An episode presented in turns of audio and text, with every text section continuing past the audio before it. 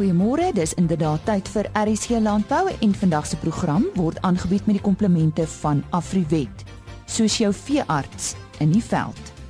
Die hoofuitvoerende beampte van die MPO gee vir ons terugvoer vanaf die large herds. Het jy geweet dat skape onkruid kan beheer wat bestand is teen onkruiddoders? Ons gesels met professor Charlie Reinhardt daaroor. Dan ook oor die bemarking van die Suid-Afrikaanse bokmelkprodukte en nog 'n bydrae van af die Nasionale Wolkwekersvereniging en Karen Venter gesels met die nuutverkose ondervoorsitter. So maak daai radio so bietjie harder. Isak Hofmeyer was ons verteenwoordiger by vanjaar se Large Herds konferensie. Ek gesels met Dr. Chris van Duyk, hy is uitvoerende hoof van die MPO, die melkprodusente organisasie en ons is nou net aan die einde van die uh uh All Africa hoof my. Ons gesels met Dr. Chris van Duyk, hy is die uitvoerende hoof van die MPO, die melkprodusente organisasie. Ons is net klaar met die Large Herds Conference hier by die Champagne Sports Resort in Drakensberg in Natal. Chris, ehm um, die die tema was ehm um, resilience. Wat is dit in Afrikaans? Dis ook ja, resilience of veerkragtigheid, jy weet, dis die vermoë om terug te bons nadat jy weet vanaf enige ding, sien nou maar melkprys wat verlaag is of enige probleem wat jy by plaas het of skielike klomp diere wat vrek is.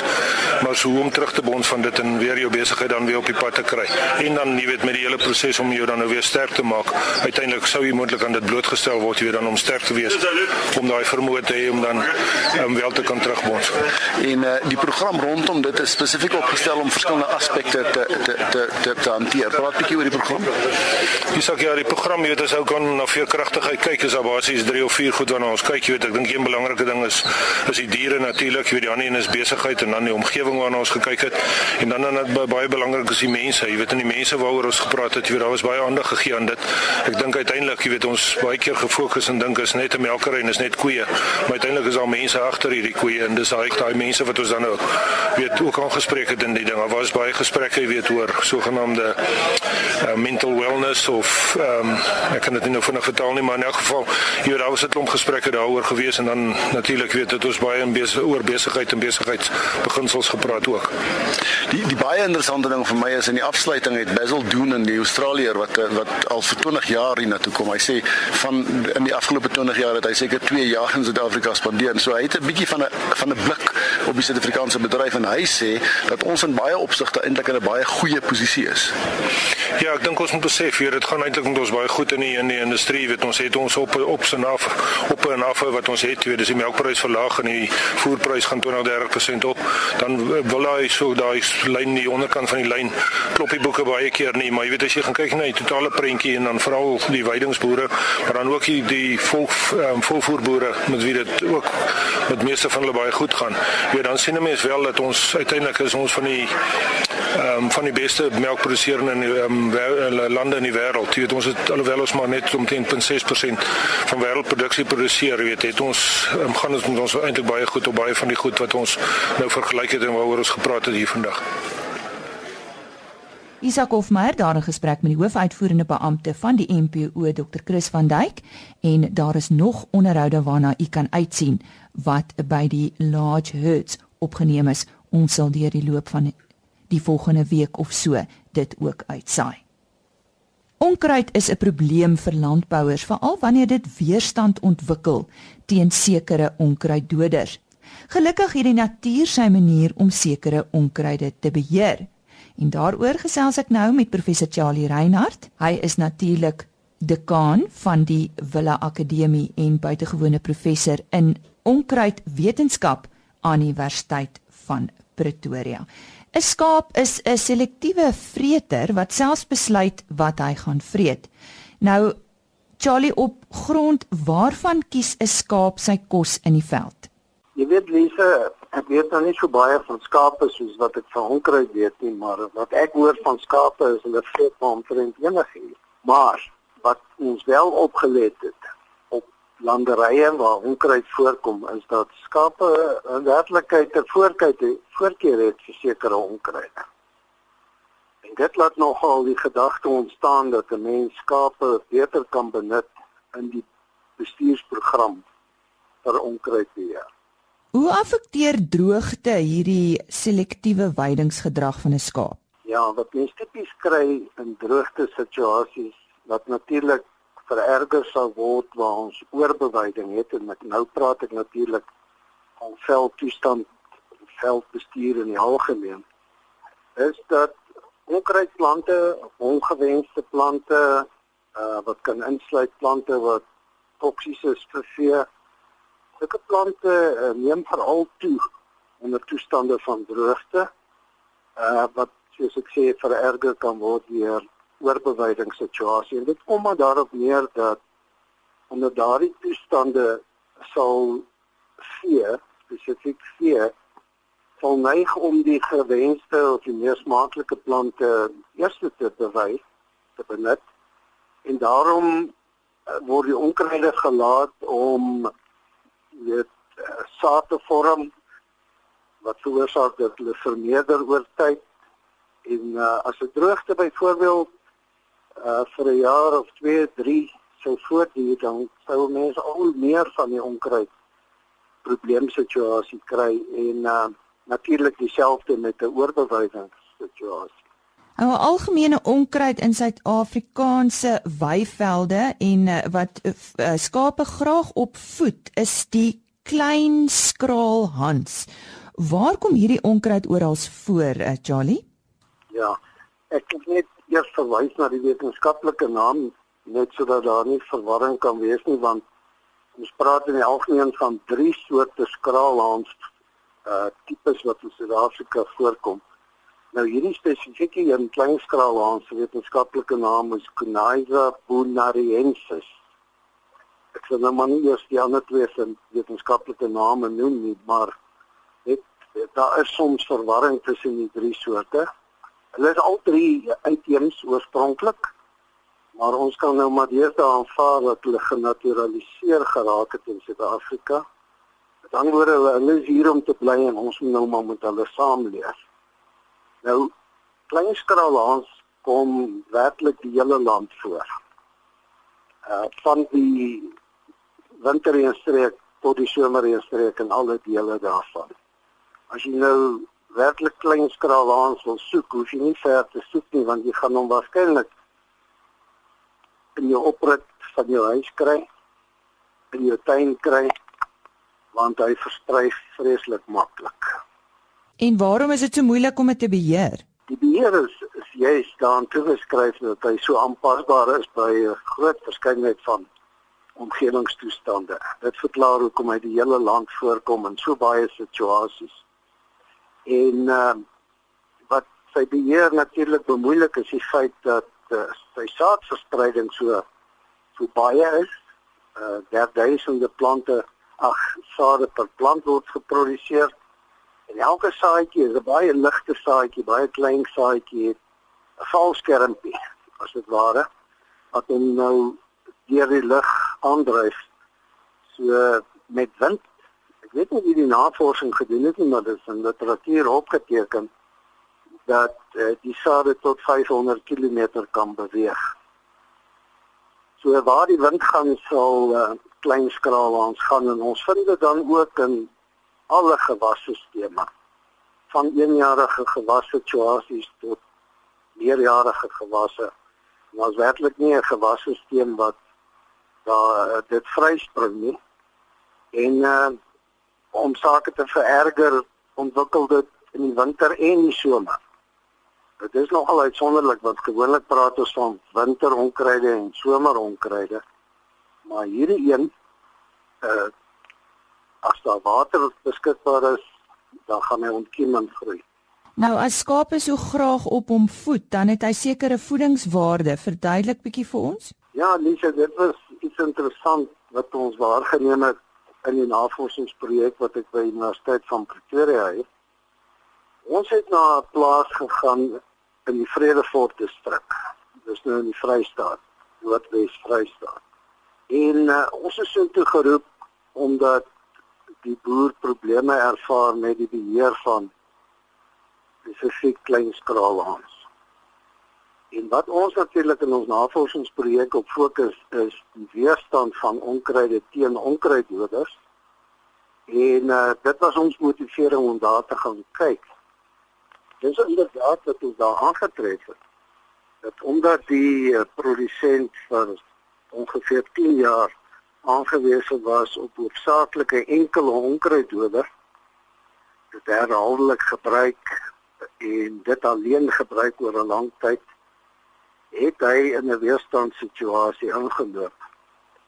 En ons het uh, in toetse wat ons uh, na 'n opvolg van die besoek gedoen het, het ons gevind dat hierdie hierdie spesifieke populasie kleinskraalhaans uh, 'n sterk neiging het tot weerstand. Ons doen nog verdere toetse, maar uh ons kan darmal sê dat dit 'n neiging tot sterk weerstand. So ons het die boere gehelp met alternatiewe beheermetodes en intussen word dit toegepas met sukses.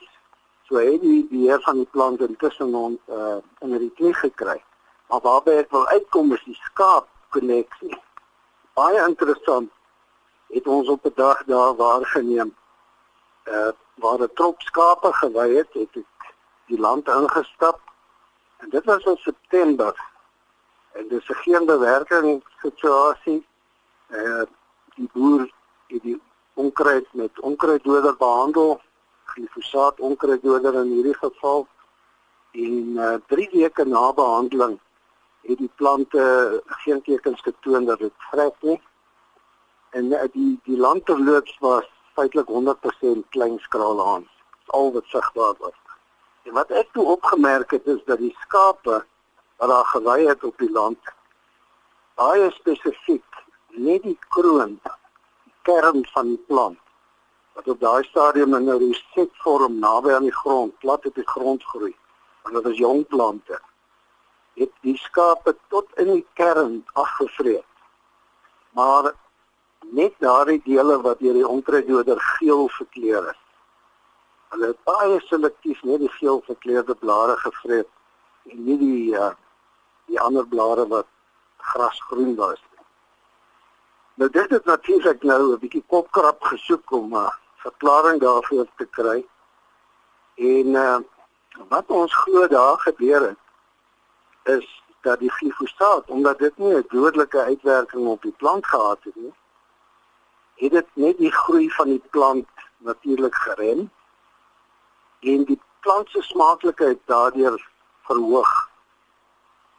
Nou ehm uh, iets wat ons op die spoor van die verklaring gesit het is die feit dat glifosaat gebruik is en gebruik kan word in gevalle waar dit daarvoor geregistreer is. Ehm um, word dit as 'n rypmaker uh, by suikerriet gebruik so subletale met ander woorde dosisse wat die plant nie doodmaak en kan gebruik word by suikerie om die suikerinhoud, die sukrose inhoud van die plant te verhoog deur die vegetatiewe groei van die plant te rem. En um, ek dink 'n heel waarskynlike verklaring in hierdie geval is dat die subletale effek, nie dodelike effek van die onkruiddoder op kleinskaal aansit in werklikheid die smaaklikheid van die plant verhoog. En dit sou veral gebeur het by die dele wat geel gekleur was deur die onkruiddoder.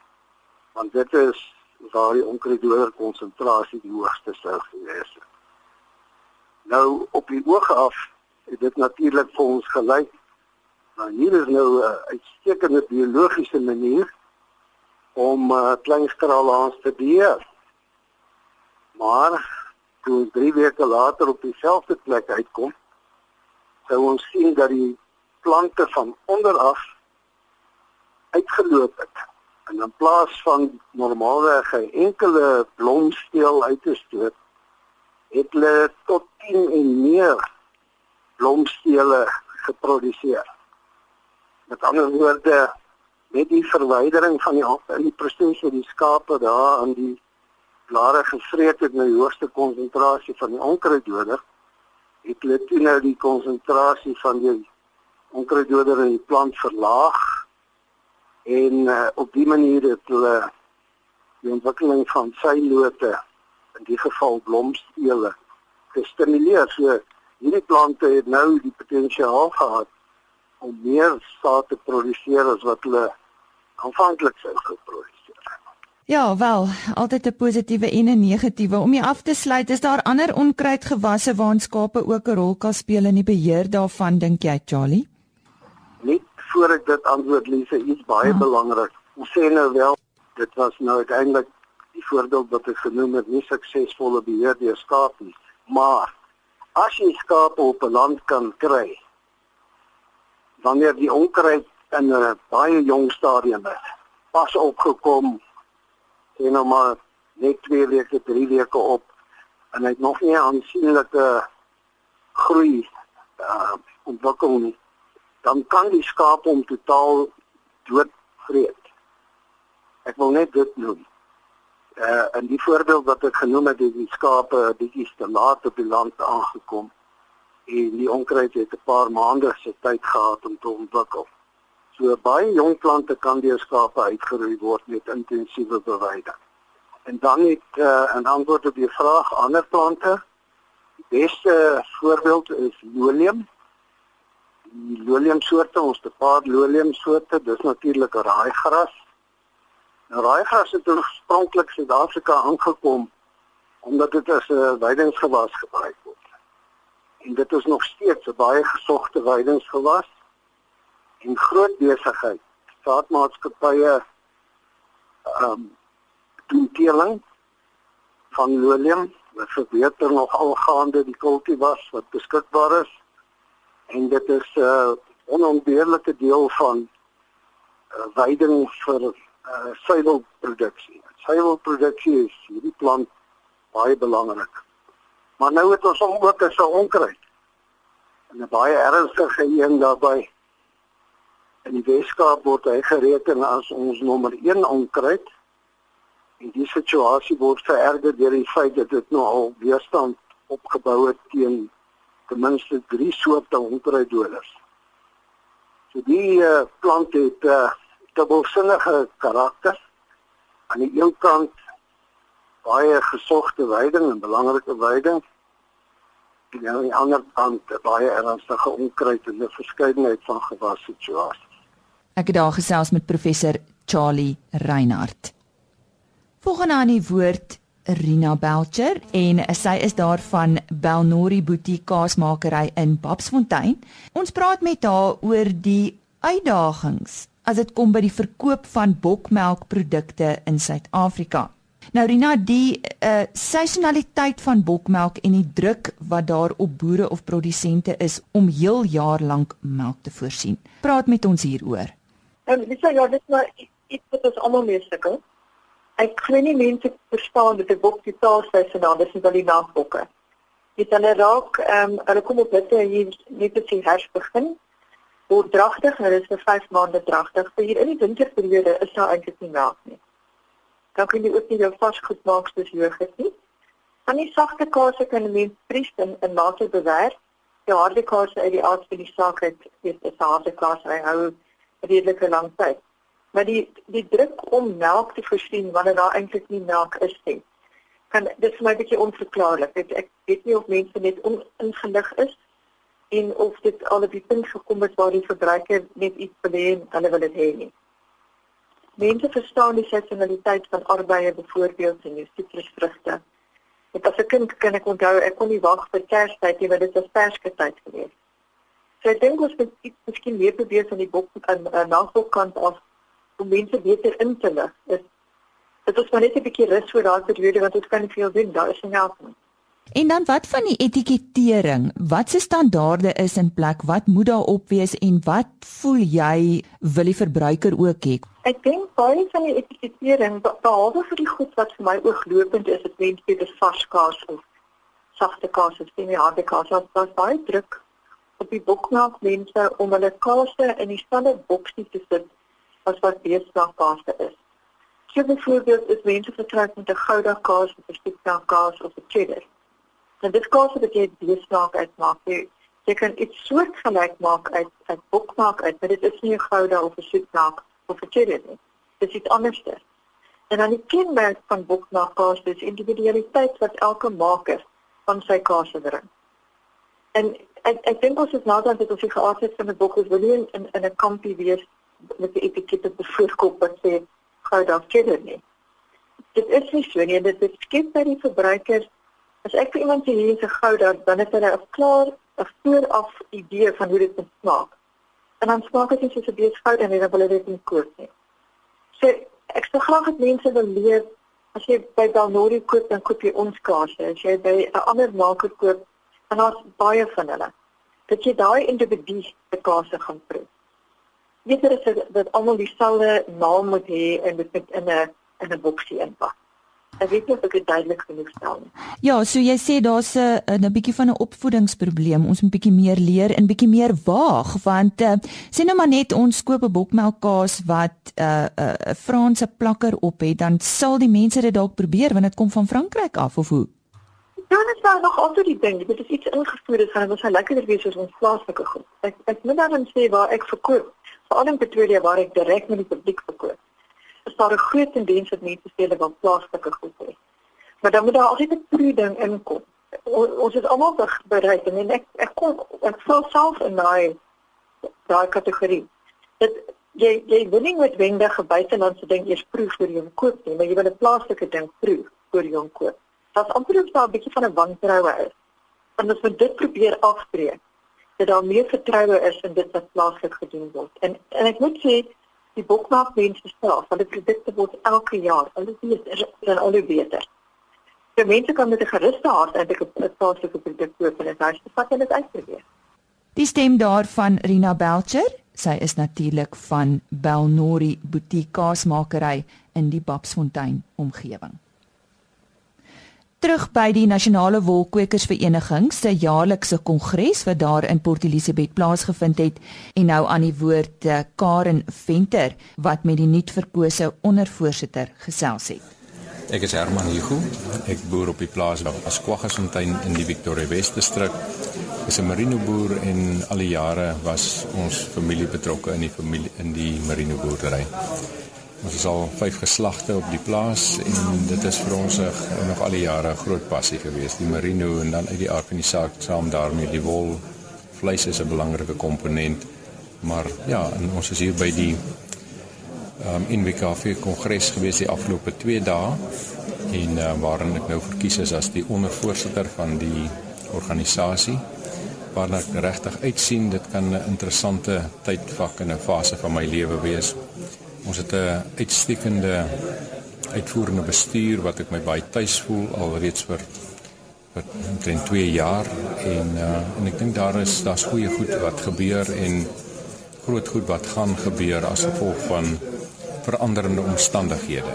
Nie net uh, oor die hele spektrum heen van die politiek en die ekonomie. En ek dink selfs in die wolbedryf ons is op 'n kruin van die wol wolprysvraag is goed en die en die pyplyne is leeg. Ek dink dit is 'n wonderlike fase om wel in die wolbedryf uh te wees en 'n produk in die in die wolmark te hê. Maar ek dink daar mag ook vir ons vorentoe moet sorg dat ons ons so rad om dat as die wolpryse draai wat blyk die moontlikheid wel uh, volgens die sprekers die geval te wees dan moet ons sorg dat ons dit ook kan hanteer. Ons moet sorg dat ons as daar ons laste onder beheer, binne beheer wees vir 'n laer moontlike laer uh wolprys. Ek dink ons begrotings moet ons definitief nie opstel op grond van ehm um, die huidige wolpryse nie. As jy kyk na ander kommoditeite, is dit uh in die mynbou en so, hulle het met 40 tot 60% gedaal.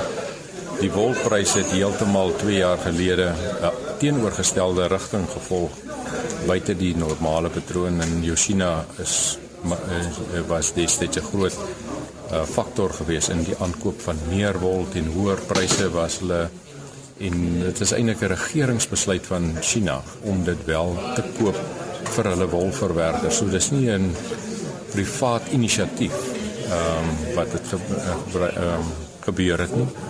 Ek dink ek is nog steeds altyd baie optimisties oor die wolbedryf. Ek sê maar net ek dink ons moet net die realiteite beskou. Die makro-ekonomie in die buiteland is baie uh, minder rooskleurig hoewel ons sien daar is op uh, op bloei. Maar ek dink daar is sekere van die lande wat se ekonomie swakker is, veral China swakker as wat ons werklik uh, sien en weet en ehm um, hulle is nou afgegradeer en hulle is nie rommelstatus nie. Hulle is afgegradeer in hulle kredietgradering. So ek wil maar net ehm um, sê ek is ek is objektief ek kyk na, nie na dinge en uh, ja en ek sien uit vir die nuwe bedryf. Nou hy dien op 'n hele paar rade in die land en hy gaan gou-gou net vir ons sê by wie is hy betrokke. Ek is op hierdie stadium die voorsitter van die Noord-Kaap uh, eh, NWKV totdat daar 'n nuwe voorsitter verkies word.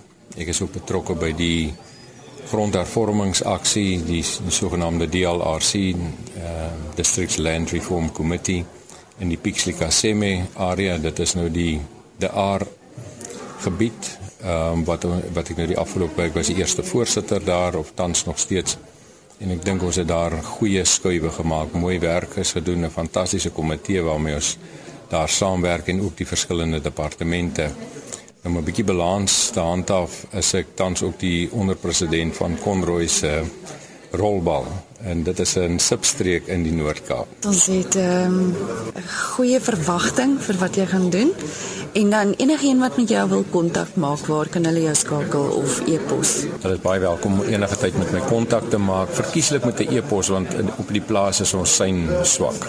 Dit is nie goed genoeg nie. Uh, my e-posadres is higofin soos my van en dan finansies higofin um, @absamail.co.za en as hulle my sou bel ek sal graag wil terugskakel maar soos ek sê dit is nie altyd moontlik op my op my sel in die hande te kry nie. Die selnommer is 079 669 3380 kan dit dalk net herhaal 079 669 3380 Dit was aan Karen Venter baie dankie Karen en sy was daar in gesprek met die ondervoorsitter van die Nasionale Wolkwekersvereniging Herman Hugo. Ek kan uitsien na nog 'n onderhoud vanaf die NWKV Kongres en eh, Karen het daar met een van die uh, boere daar in die Lensburg Beaufort Wes omgewing gesels uh, oor die ernstige droogte wat tans nog steeds daar heers.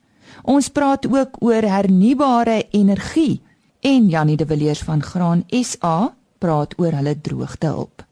Nou het u geweet hoewel 'n derde van Suid-Afrika genoeg reën ontvang vir gewasverbouing, bestaan net 'n derde van hierdie gedeelte uit vrugbare grond.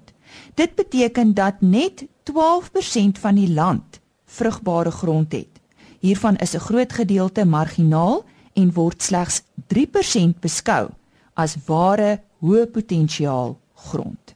Er is hier landbou vandag aangebied met die komplemente van Afriwet. Like your vet in the field. Tot môreoggend om 05:30. Totsiens. RSG Landbou is 'n produksie van Blast Publishing. Produksieregisseur Henny Maas. Aanbieding Lisa Roberts en 'n notas koördineerder Jolande Rooi.